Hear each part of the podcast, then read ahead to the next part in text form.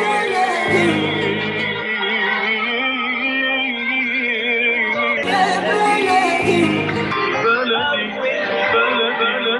وسهلا بكل الذين ينضموا للاستماع إلى راديو بلدي اول راديو عربي أمريكي ويعنى بقضايا العرب في المهجر.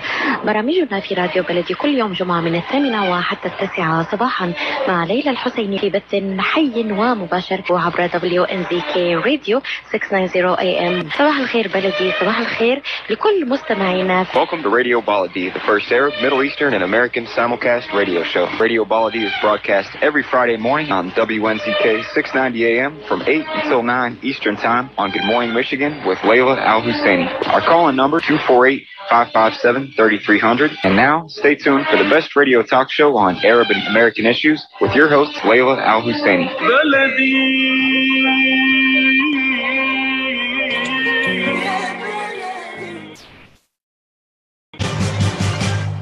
I am Atif Abdel Jawad. Join me the first Friday of each month at 8 a.m. Eastern Time.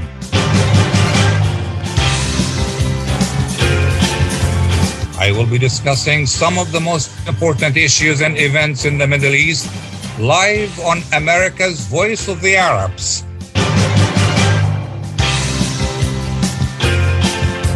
WNZK 690 AM and WDMV 700 AM.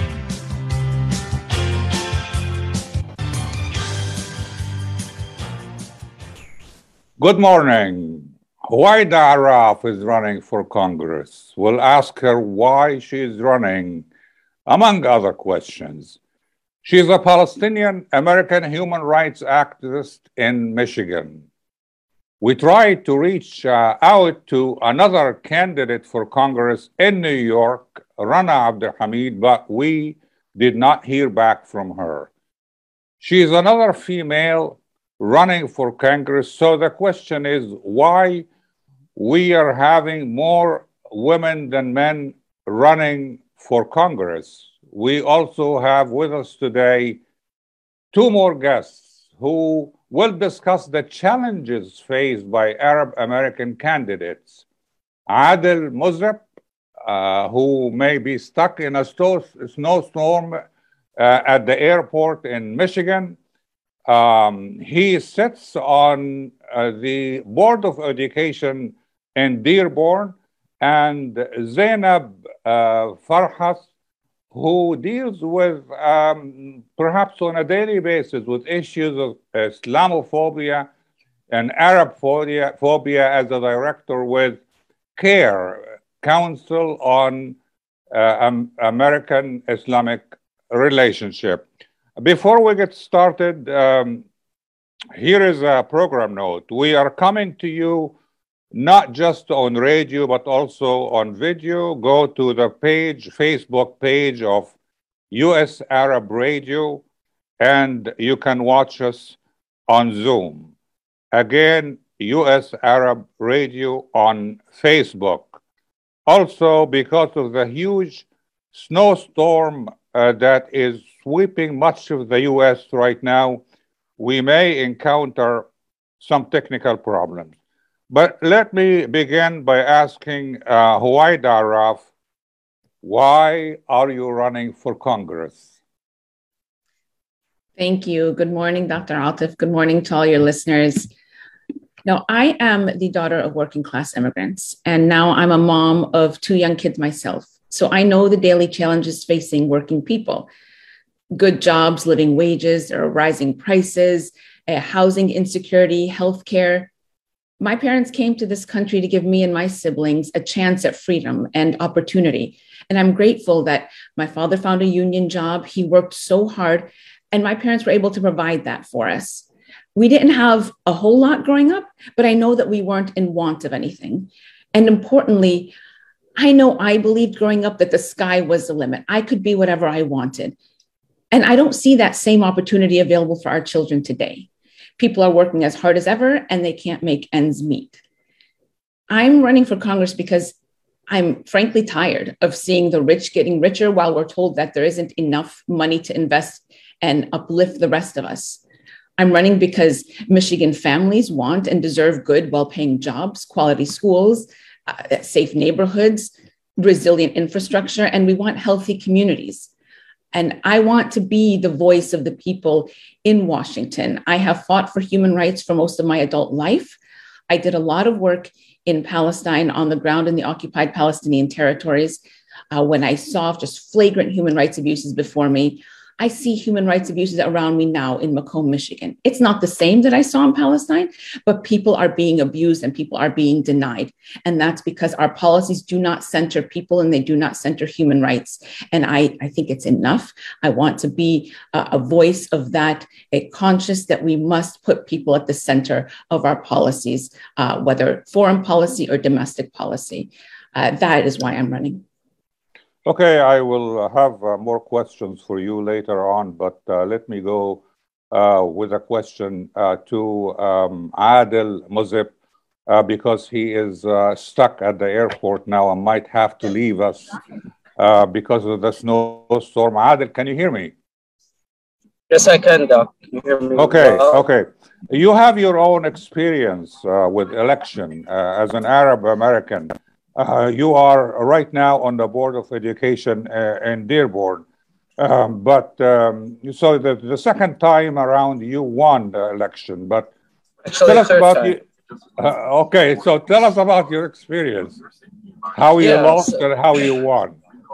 Absolutely. So, um, first of all, my name is Adel Mozart. Uh, I sit now on the Board of Education of Dearborn Schools and also Henry Ford College. And I do software development for a living. Currently, I work for a startup uh, or a subsidiary of a staffing company where we teach uh, trainees uh, programming and uh, it's kind of essentially boot camps to get them to get to uh, tech jobs and, in, Fortune 500 companies. And uh, I'm fortunate to be in this country. I came in as an immigrant, as a 13 year old, joined father, worked for Motor Company since 77 and uh, I, am kind of the poster child of a childhood or a, an immigrant child who comes to the U.S.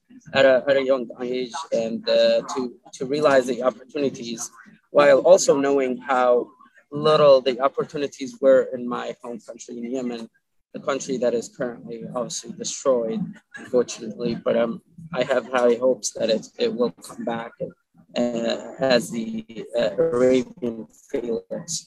Um, so I came to the US at age 13 and I managed to get a high school diploma from Fordson High School, go tractors. And then I went to U of M Dearborn, blue, for my bachelor's and then uh, MBA from Wayne State University.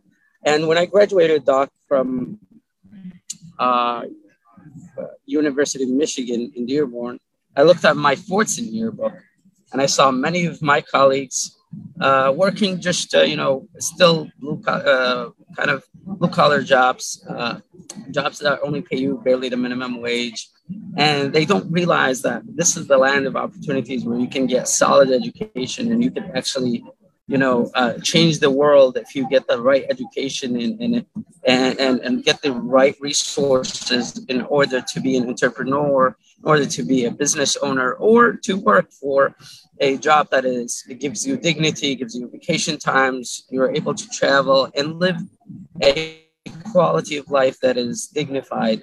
So going back, I'm like, I have to do something for my classmates and for those who are going through the same experience. You saw kids who do not finish their education, kids that would drop out of school, um, girls that would marry early and, and, and forget about their aspirations of, of getting a, a higher degree. So I started a nonprofit organization chapter for the American Association of Yemeni Students and Professionals. And we started organizing in, in Michigan and uh, starting in our own schools, the West schools that we went to, Fordson, Salina, um, Edsel Ford. And then we started, I started getting involved. And then as I got involved, I realized that decisions are being made above the principal. Decisions are being made with the superintendent and there is something called the school board. I'm like, okay, what does the school board mean? They said, like, you have to get elected by the people in order to oversee the school district. you know, and, and obviously doing my research, and then there are public meetings where you can actually attend. So I started attending those meetings and voicing my concerns. Hey, guys, we could do this different. I've seen it where it could be done easily or something different. So not to take so much time, it's like I was like, I want to run for this board. I want to be part of this decision making process. And when I did that, I applied first in 2015 when there was a vacancy. I didn't get in. I wasn't even considered. It was like my application was just tossed. Although I have an MBA teaching experience and five years of working experience as a software developer. Um, 2016, I decided to run. I put in a campaign and I challenged two incumbents um, who were Arab Americans as well, Lebanese Americans to be exactly. And uh, they are now great colleagues of mine. But before that, they, fa- uh, they felt threatened that a Yemeni American is running in Dearborn. And we have to realize also the classism that unfortunately in the Arab world we do have, that Lebanese Americans feel like they're entitled to a lot of things. Now, some are unfortunately. Okay. Uh, absolutely. Yeah. Um, so. Okay, I understand yeah. you are at the airport so, now. Absolutely. And, and I'm actually on the plane right now, and we're about to board, or actually the car. I, I know that you uh, may have to leave us. so I ran in 2016. Yeah, quickly. I ran in 2016. I lost, and then there was a 2017 vacancy. I was not appointed. They chose somebody else because of the connections. 2018, I ran again and I lost, and then 2019, I finally got appointed. And 2020, I got first place in the elections, and now I'm on the board. Thank you. Thank you very much. Uh, what uh, you you are? Uh, I was saying that you are at the airport now, uh, and and you have a snowstorm. So what does I'm already on the like? I'm already on the flight. So I'm sorry. You are already yeah, on. They're asking me to leave. yeah. I'll, okay. I'll join firm. Thank you. You're, okay, you are in control of your technology. Uh, okay, that's good. Uh, well, we'll get back to you as as as long as you are you're still available. Um, uh, um, Zainab, um, you deal with uh, issues of Islamophobia, Arabophobia on a daily basis. But what is the most common form of, uh, of Islamophobia that you come across? Uh, that's a good question, Doctor. And good morning, everyone. Glad to be on with all of you. Um, I think it depends on who you ask. Islamophobia um, can reach us in so many different areas of our lives that I think it just depends on on how we receive it. So we have state sanctioned Islamophobia, which can look like a Muslim registry, uh, the Muslim ban, unwarranted surveillance on Muslim communities, we saw this a lot, not only here in Dearborn, but in New York City. Um, courts or jails banning women in hijab from entering. Um, and then we also have the Islamophobia, maybe that's more common to people, or that we can um, we can see from explicit bias. So harassment of women in hijabs, or uh, we see a lot of school issues, bullying from not only students but staff members. Um, we see policy and curriculum issues within our schools whether um, curriculum is not uh, not checked and is using inaccurate information or Islamophobic information, uh, policy that doesn't allow students um, to go and pray or to receive proper accommodations while they're at school, um, which is something that they do have the right to do at a public school. So um, the list goes on and on in terms of what Islamophobia looks like, but I think it looks like something different for every person, um, and especially those entering the political arena. Um, but uh, Islamophobia can come to us in, in many different ways. Uh, mosque vandalism, again, I can go on and on. Um, it just depends on how it touches you individually. Okay, we are going to take a brief break. When I come back, I want to ask you, all of you, uh, the, the most important question today, which is why we have more women running for Congress or for elected office than men. After the break. While we've been staying safe at home, scientists have been on a journey. The destination, a COVID 19 vaccine. This journey began decades ago with research into other coronaviruses. Scientists built from there with months of research and development. cooperation with other experts worldwide, and clinical trials on tens of thousands of volunteers of diverse race, age, and health status. They arrived at a safe, effective vaccine, and hundreds of thousands in Michigan have already been vaccinated. But the next step is ours. We need to get the vaccine when we can. Keep wearing masks correctly and taking precautions until we reach our destination freedom from COVID 19 and getting back to the lives we love. Discover the facts for yourself at michigan.gov slash COVID vaccine. A message from the Michigan Department of Health and Human Services. Ziyad brand. Quality products from our family to yours. Ziyad Brothers Importing offers the finest quality products, including brands like Sultan, Kraft, Nestle, Hook, Rico Picon, Donna, and many more. Ask your retailer to carry these fine products because you deserve the very best. For more information, visit our website at www.ziyad.com. That's www.ziyad.com. Ziyad, quality products from our family to yours.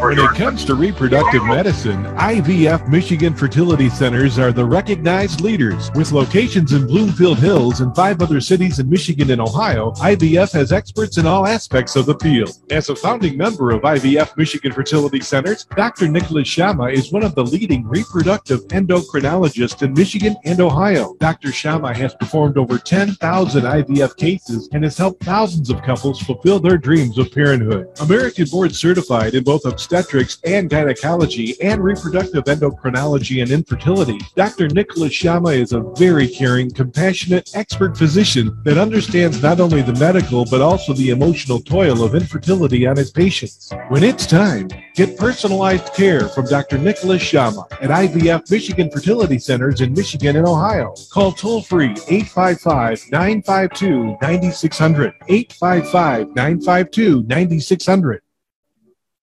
Get ready for an amazing experience at Ishtar Restaurant on 15 Mile Road in Sterling Heights. Enjoy excellent hospitality from owners Ali Al Baghdadi and Fatty Bonham, serving the best in Mediterranean food. Try Chef Ali Al Baghdadi's famous shawarma, the best Iraqi grills and food, and the best Arabic and international dishes. Dine in our authentic atmosphere or take out. Call 586 698 2585 or check us out on Facebook. Ishtar Restaurant practices all CDC guidelines and is open every day 11 a.m. to 10 p.m. Have an amazing experience today at Ishtar Restaurant, 3625 15 Mile Road, Sterling Heights.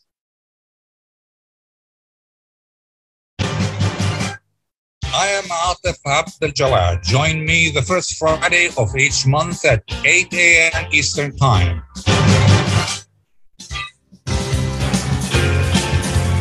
I will be discussing some of the most important issues and events in the Middle East live on America's Voice of the Arabs.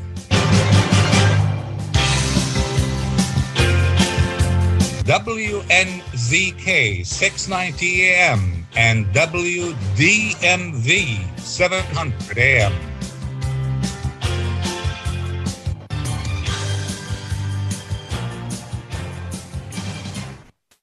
Welcome back to our discussion on Radio Baladi. We are talking about Arab American women running for Congress. And the question I have for everybody now, all my three guests, and I will start with uh, Mrs. Arraf, Huwaida Arraf. Um, why, uh, why is it uh, that we have more women, uh, unless I'm mistaken, why we have more women, Arab American women, running uh, for Congress, more women than men? That is a very good question. First, let me also say what an honor it is to be on with the guests. I think I forgot to say hello to my fellow guests this morning. Uh, really is an honor to be on with you. And also, just briefly, I want to touch on something that Atif said. I really commend him for his work, and and he decided to run for office at a local level, which is also so important. There are all kinds of levels to run for. It's generally seen. It's Adil. Adil. Oh, Adil. I, I apologize. No, no, it's okay. I. Uh, we we often look at some of the higher offices, but it's really important to get people, uh, women and uh, everybody, all good people that want to do good for the people to run for all levels of office, and especially look at the local offices. Now, as for your question, I, I think that's a great a trend or something to see because historically women have not run for political office as much. We usually see the field dominated by men uh, over the last few years, there have been there has been a little bit of a surge of women running, and I think that that is owed to a number of different factors, and uh, uh, including support groups that have popped up to help women run for office because women have historically been disadvantaged in in all kinds of ways. Uh, we've seen it as not necessarily something we can go after. But now, again, there are wonderful groups there to help women, especially starting off early. One of the big things that candidates for office have to do, especially uh, higher elected offices, is raise a lot of money. And on top of the campaigning, uh, you're expected to spend hours and hours a day just calling people and raising money because, unfortunate in our political system today, the viability of a candidate is judged by how much money he or she raises. And that's not easy, especially for women when you're piling that on top of all of the other burdens that generally women feel that they have to take on. Now, getting specifically to the to Arab Americans, I can't say that I, I know or have studied it too much. I know that I am happy to see uh, fellow women and Arab American women running for office. I, you know, as you know, Arabs and Muslims in America, we know, and Zainab talked about the the pressures, the stresses, the Islamophobia uh, being painted a certain way, and I think that that has historically discouraged us from running for office. I know that that is something I really thought about before running. For months, I was considering what is going to be the effect on my kids. I know the uh, ugly uh, lies are going to start to fly as they do with the negative campaigning always. Uh, my people who are in politics locally told me that I might have to consider security detail because of even just how polarized uh, the politics has become. And specifically, as someone who has worked on Palestinian human rights, we are uh, attacked and vilified, and that is only going to increase. What kind of impact is this going to have on the people around me, on my elderly parents, on my children? Having to see this because I don't think I'm going to be able to shield them from the ugliness of the attacks that come. I know that I'm determined to run a very positive campaign and try as much as possible to steer away from that. But I know that it's going to come. And it took me honestly months to decide that as difficult as as this might be, it is the right thing right. to do because more than anything, I want to show my kids, other women, Arab women, that we can take our energy and our skills and our love to places of, of power and, and policy making. If I may. Uh, okay, yes, Adil. Yeah. Go ahead. I, I, think, I think the perception let, that. Let me just say. Can you hear me, me or not?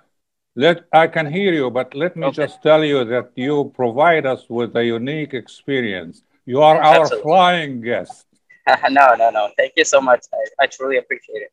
Um, I don't see the audio, so please tell me that you're still hearing me. Okay, you are still here. Okay, great. So uh, I think the notion that you're putting Doc is somewhat uh, I don't want to say uh, misguided, but uh, rather than probably because we're seeing a trend now of more Arab Americans running, and we see more of them as women, that we think, oh, more, more women are actually in office. If we currently look at the state House of Representatives, the majority are still white old men. So um, okay, I agree. There's yeah. What was that? Oh, I agree wholeheartedly. I am yeah, yeah, yeah. And, and, and, the state, and, and that's not to cons- for sure. Yeah, yeah. That's not to even consider uh, the Senate the Senate is even more uh, undiversified. Um, so because we're seeing this trend doesn't really mean change the reality. The reality is that uh, you know public offices, whether they're school boards, city councils, or even at the state house or the state senate or even in Congress, we're still uh, miles away from having true reflection of the uh, population. There are so many different, still underprivileged, underrepresented segments of the population that need to be diversified. That you, it's so crucial to have people who really understand the issues at their core level. And I, when I mean diversity, I don't just mean ethnically. I mean diversity in thought, diversity in, in trainings, diversity in perspectives, and in, in, in, roles and jobs. Uh, and when we have a diversified council, for example, city council, that you have an attorney, um, you have somebody who does, uh, you know, technology, uh, somebody who's in medicine, then you definitely uh, will have a, a good council, a council that will be true representative also of the population that you have. If you have a city that is, for example, Arab American 50%, then you want to see some Arab Americans. If there are Hispanic Americans in that district, you want to see some Hispanic Americans being represented. It, everybody wins when there is true representation uh, in, in city government or in state government or in, it, ultimately the federal government. Um, when we saw, yeah, when we saw Barack Obama getting elected as the first Black American to be elected to this to the highest office in the nation, it was a surreal moment for all of us because we saying, has justice been achieved?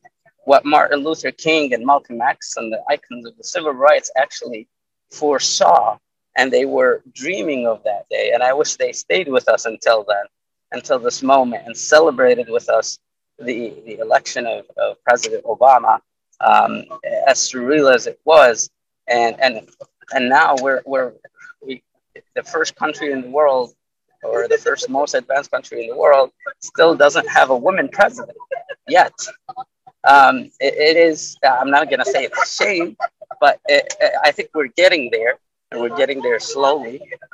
Uh, to, to, to close, uh, Doctor, um, your, your question about the women being represented, they're still way, women are still way underrepresented, whether in jobs, in higher offices, so the trend right now, yeah, we have more women, but I think that is a good trend to correct the current uh, inequity in women representation, and as well as ethnic women or uh, brown women who, who, who, are running now for office. I commend uh, Ms. Arraf for having that courage. It takes a lot of guts. It takes a lot of um, uh, kind of courage to actually run for office. Um, I was attacked. I was vilified. My family was, you know, when you run for public office, you're putting yourself for scrutiny. It's not an easy thing. It's not a nice gig. People think, oh, you know. Oh, we're getting delayed, so that's a good thing that I could stay with you guys. So, um, I, all I'm saying is that you know, some people think you when you get in office, oh, you're that famous person actually, you know, being famous is not really fun. when when my wife, when I and I we go to a restaurant and I know everybody there, she gets really bothered by it. So it's it's not all uh, rosy pictures and and things like that. And it, losses, a loss, and especially a loss after a loss.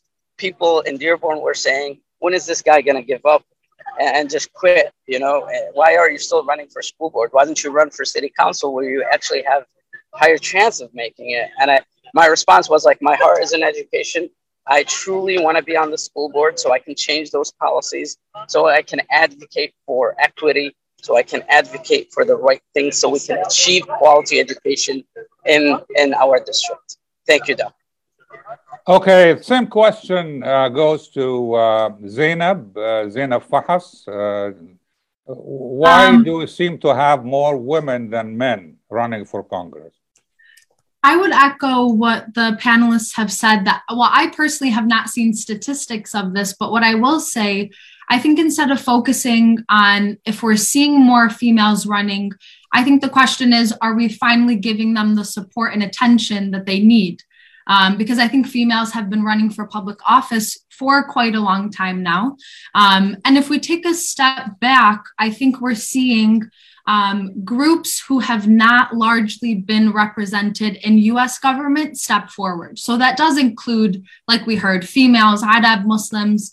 Um, I mean, here in Southeast Michigan, we saw Representative Abdullah Hammoud turn into mayor of the city of Dearborn, Abdullah Hammoud. Now we have Bilal Hammoud, who is not related, uh, looking to take uh, that representative seat in Michigan's 15th uh, district seat in the House. So, uh, city of Hamtramck, a bunch of Muslim men coming forward as representative, uh, mayor, city council. So and women, by the way, Miss Fox. There's a, a Muslim woman on city in Hamtramck City Council now.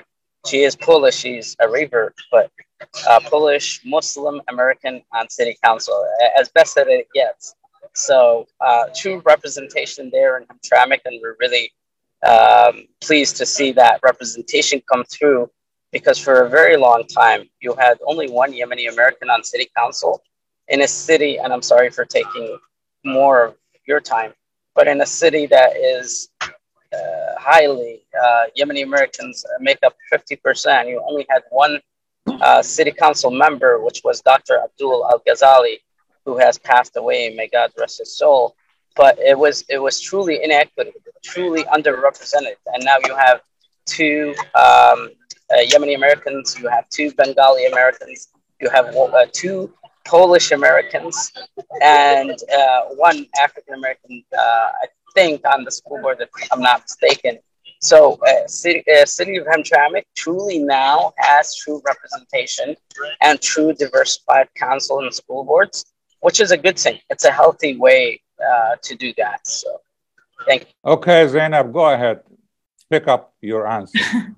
That's okay. Uh, my point was just that I think we're seeing uh, more people come forward, and I, I, think that's based on inspiration. We're asking why are we seeing women come forward, but I think groups that have not largely been represented in U.S. government in the political arena are are feeling encouraged more than ever because representation to me when I was a little girl was seeing a Muslim woman in hijab walk in my local grocery store. And I thought, wow, there's other Muslims here in a non dominant, you know, Muslim city. And then I see Muslim women as I grow up on TV or in ads in stores. And now, you know, Muslim women in Congress or in public offices. So I think the encouragement or the why just comes from inspiration and wanting to fill that representation gap. Um, and I think we definitely need to look at local, uh, more on the local level too, and encourage um, those from our community to push towards uh, running for local public offices so that we can see who's on school boards, who's making sure that curriculum looks okay, who's on zoning boards. Um, actually, CAIR Michigan is in lawsuit with the city of Troy because their zoning board uh, denied the Muslims their first Islamic house of worship in the city of Troy. Um, and we came to discover that zoning board uh, members were actually given playbooks uh, or handbooks on how to utilize zoning laws to keep Muslims out so that they don't build masajid inside cities like uh, Troy. So um, we're seeing Islamophobia embed itself in our public lives. And I think um, that should be encouraging um, to those who are looking to join the public arena to start local, because I think that's where a lot of the impact happens. Uh, and we see, unfortunately, a lot of people struggling for that representation.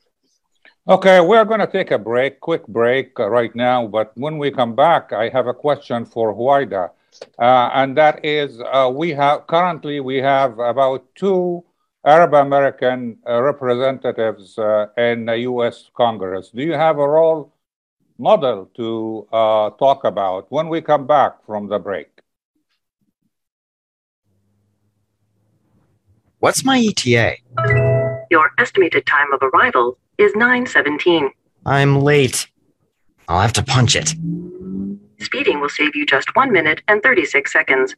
It will also increase your risk of a crash, as well as the odds that you will be stopped and issued an expensive speeding ticket. Yeah, but. In one year, there were 22,000 speeding related crashes in Michigan, resulting in 200 deaths. If I had someone in the car with me, I'd drive slower. But it's just me. This is not a logical response. Though you have no passenger, surrounding cars contain 27 others, including five children and one Labrador retriever. How do you know all this stuff? I know everything, Kevin. Your risk of a crash increases with every mile you drive over the speed limit. So slow down. Speed enforcement is happening now. A message from the Michigan Office of Highway Safety Planning. Shat's Mediterranean Market in Shish Kebab offers a great array of your favorite Mediterranean meals. Meals range from lamb specialties, shawarma sandwiches, and seafood dinners. Plus, they offer big trays of your favorite food and so much more. Kashat's Mediterranean Market and Shish Kebab is located at 32839 Northwestern Highway in Farmington Hills and is open from 9 a.m. to 9 p.m. So stop in or call Kashat's today at 248 538 9552. That number again, 248 538 9552. Kashat's Mediterranean Market and Shish Kebab will definitely leave you satisfied. At Top Rehab Physical Therapy Clinic in Dearborn, we provide effective physical therapy sessions in order to limit pain and discomfort. Top Rehab provides physical therapy care for any diagnosis prescribed by a physician, and we regularly see and treat conditions such as stroke, TMJ, fibromyalgia, sciatica, joint pain, and more. We use a variety of pain management methods, including modalities, soft tissue mobilization, and therapeutic exercise. If you're in need of physical rehabilitation or physical therapy, get the highest quality health care at Top Rehab. Most insurance is accepted, and we're open Monday, Wednesday, and Friday 8 to 6, Tuesday and Thursday 8 to 5, and Saturday 10 till 2. Call for an appointment today at 313 846 0555. That's 313 846 0555. Choose Top Rehab Physical Therapy Clinic on Michigan Avenue in Dearborn. Life's too short to be in pain.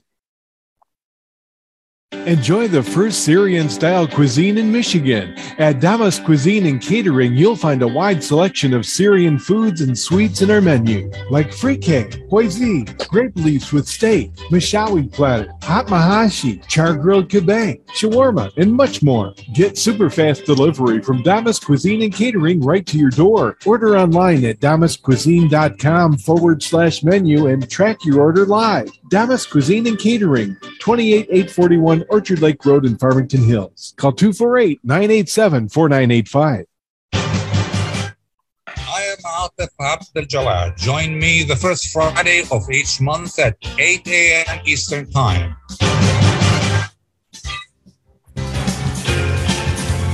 I will be discussing some of the most important issues and events in the Middle East live on America's Voice of the Arabs.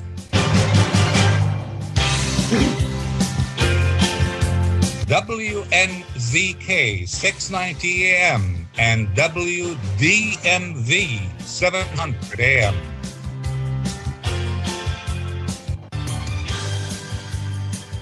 Welcome back to our discussion on Radio Baladi. We are discussing the issue of Arab American women running for Congress. And uh, Huwaida, currently we have two Arab American representatives in Congress, Ilhan Omar and Rashida Tlaib. Uh, do you have any role model among the, those groups?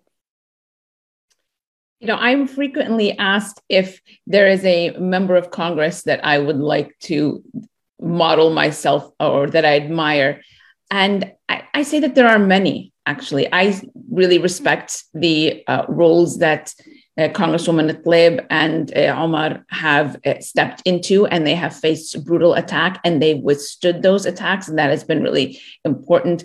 But it, it's broader in terms of what I respect from different members of uh, not only of Congress, but of different representatives. What I respect the most and want to make sure that I, uh, as much as possible, can also be is a tireless advocate for the voice of the people. So traditionally, we see in elected office just the power of a, a corporate interests taking over. And that goes back to something I said about how much money someone has to raise to run for public office it uh, and what ends up happening is that these uh, corporations and, and lobbyists and dump a lot of money into candidates and then they, you see members of congress then uh, voting or legislating a certain way that does not keep the interests of the people in mind. Congresswoman Tlaib and Congresswoman Omar were two of the just handful of members of Congress that refused to take corporate PAC money, and that so they are accountable to the people and not to these special interests. And I I definitely am doing the same there, always being accountable to the people uh, that and advocating tirelessly for the people. When I first got in, a, a sitting member of Congress uh, tried to compare me and tried to say, oh, she just wants to be another member of the squad or modeling herself after Bernie Sanders. And I said, you know, not really, but I am honored to be compared to the members of of our legislature, of our Congress and Senate that stand out as being tireless advocates for the people. That and it, just one thing that is, I think, so important that goes to what uh, Zainab and what Adil have spoken to in terms of representation and getting to the level of representation that we want to see, uh, uh, legislating at all levels. We also not not only have to run for office, but we have to mobilize various communities and our ethnic communities or, or those that we identify with in terms of thought and other things to vote and to get involved. We would have a, a, a, a better chance or we make that many more strides towards getting the representation that we wanted if we also do the groundwork to make sure that we're educating our communities and more than important than anything we are registering people and facilitating so that people can vote Adel Mazat, you are still with us, uh, and, and yes. I have I have a tough question, uh, uh, a double question for you. One is that I know you are not running for Congress, but are you planning to run for Congress? No, no, no, no. But then Absolutely. the second question is wait a second. And the second question is what is your foreign policy agenda? Which a question that I'm going to ask Huwaida as well in a minute. Foreign policy on a school board? yeah, definitely. Um, well, here's the thing. A lot of people have asked me to run for state house, and I said I've only been on the school board for two and a half years.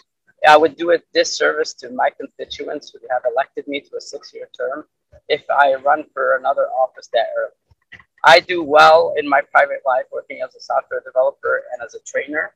Um, and I, I make, I would make much more, you know, uh, of a living than, than working in, uh, for the U.S. government as an elected official.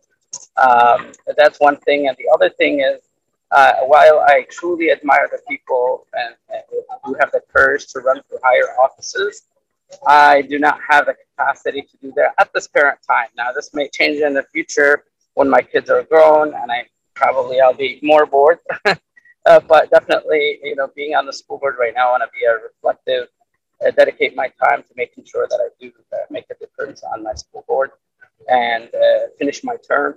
And uh, if, if there's an opportunity in the future, God knows what happens in the future uh, that might be an option. As far as my foreign policy, I'm very active also in, in the space of, of the humanitarian aid for Yemen. And hopefully, you know, we can see a political solution to the conflict there of, of, of the war and the destruction. That Yemen has been dubbed as the worst humanitarian crisis in the world. And I, media that unfortunately does not highlight the impact that Yemeni Americans and Yemenis, especially, are going through right now. They're being bombarded by uh, their country was taken by a militia. Now we have more militias, and, and now we have the Saudis also aggression uh, of, of taking a war and, and and not ending this war. We thought this was going to be you know a two month thing, uh, ending the coup, but it's it's turning more than that. It's turning to be a playground for international uh, players. Unfortunately, they're they're they're doing their games in, in Yemen. They're they're they're Yemen. They're Yemen. Unfortunately, I would say this with very honesty. They're using Yemenis as pawns for their war. And when I say that, I say Iran and Saudi Arabia, of course, is the main players there. But uh, Yemen, Yemen, unfortunately, has been the playground for for these uh, you know regional powers to play wars. And obviously, they've used Iraq and they've used Libya and they tried to use Egypt, and I'm, I'm glad that Egypt refused that the outside intervention. And Yemenis, if they sit down together, they can definitely uh, uh, sort things out without outside intervention. Huwaida, I'm going to ask you about your foreign policy agenda in a minute, but let me first ask Zainab um, one critical question, and that is um, what uh, do you advise victims of Islamophobia, Arab phobia? What should they do? What is the best way to deal with uh, uh, Islamophobia?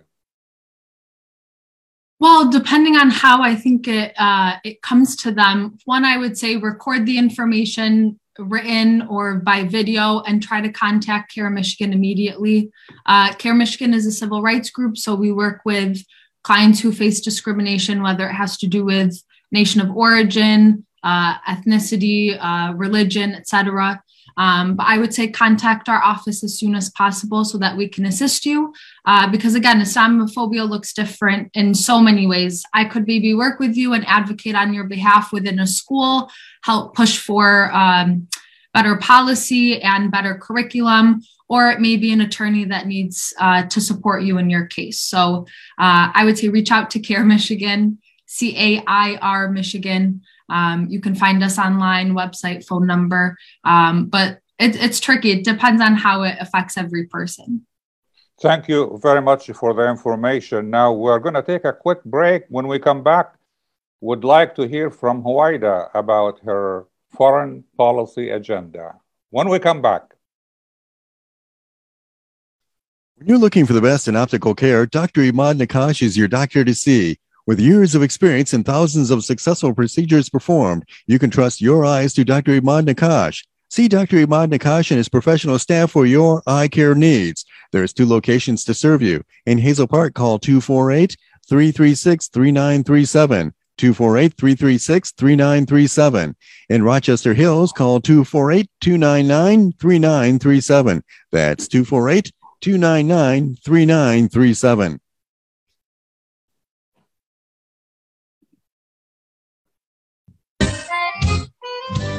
Are you going to start a restaurant or a grocery store soon? Do you need floor plans and designs? Call Naji Abood at 734 744 9796. Do you want to buy kitchen and restaurant equipment at discount prices? Call Naji Abood now, 734 744 9796. New Concept Products and Design, the trademark of kitchen equipment. 5% discount on all purchases of $75,000 or more. New Concept Products and Design, new location, 31 185 Schoolcraft in Livonia. Learn more at www.newconceptproducts.com. Call Naji Abood 734 744 9796. Are your hands feeling numb? Do you feel pain opening up a jar, turning a key? Are you noticing that your elbow and your shoulder are becoming stiff? Or were you recently injured in your arm?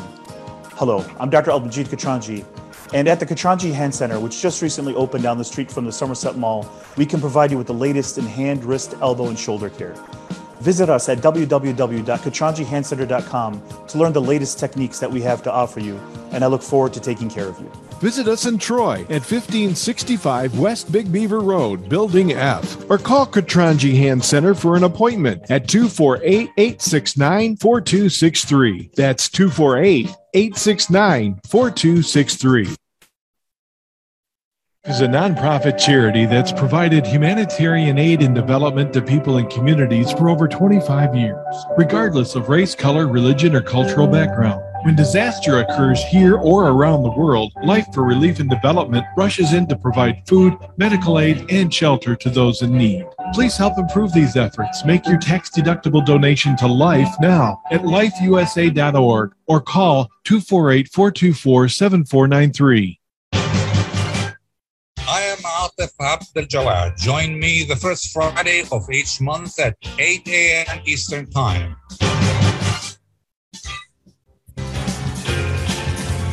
I will be discussing some of the most important issues and events in the Middle East live on America's Voice of the Arabs.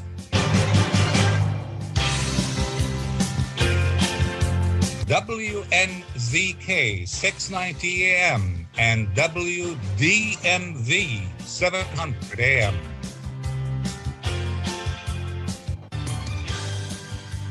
Welcome back to our discussion on Radio Baladi. We are discussing um, Arab American women running for Congress, and this is the last segment of the program. And um, my question, Huwaida, um, when, when I asked you why you are running for Congress, you talked about uh, how you would be looking for good paying jobs for your people, uh, becoming um, uh, a voice uh, for your Michigan people in Washington. You did touch on uh, hum- human rights for Palestinians, but what else? I've been mainly speaking about issues that affect my local community because that is, these are the things that my constituents and voters here are concerned about, mainly things that affect their daily lives. You don't generally find members of a voting uh, population, and specifically where I am in Michigan, uh, paying a whole lot of attention to what happens in foreign policy uh, US foreign policy. So it's not something that I've been campaigning on, but as far as my or, or, what my stance would be, what my position would be, there are a lot of different individual uh, issues, obviously, that I can comment on, but it comes back to one main principle in that we have to put human rights at the center of our policies. That includes foreign policy. I think once human rights are, we set that as our moral compass, anything else that we are doing as a country uh, internationally becomes a lot more clear. I have spent years and years of my life uh, on the ground in the occupied Palestinian territories. It saddens me not only the brutality that I've seen there by Israeli state government forces against the Palestinian people, but that my government, the United States, where I pay taxes, where my parents have paid taxes, and that is going to contribute to the oppression of people. And it's not only in Palestine where US foreign policy is not doing what we say we stand for as a country. I remember as a young girl being so proud of being an American. We stand for freedom and democracy and human rights, and that is a beautiful thing. And it is only when I started growing up and paying a little bit more attention that I saw wow, our policies are not supporting freedom and democracy and human rights in so many countries. And that was shocking. That uh, changed the trajectory of what I did with my life. And I, I, set me up for con- you know, becoming a human rights attorney, staying an activist, and campaigning member, uh, lobbying, uh, you know, legislators to do what's right, to actually do what you say we stand for.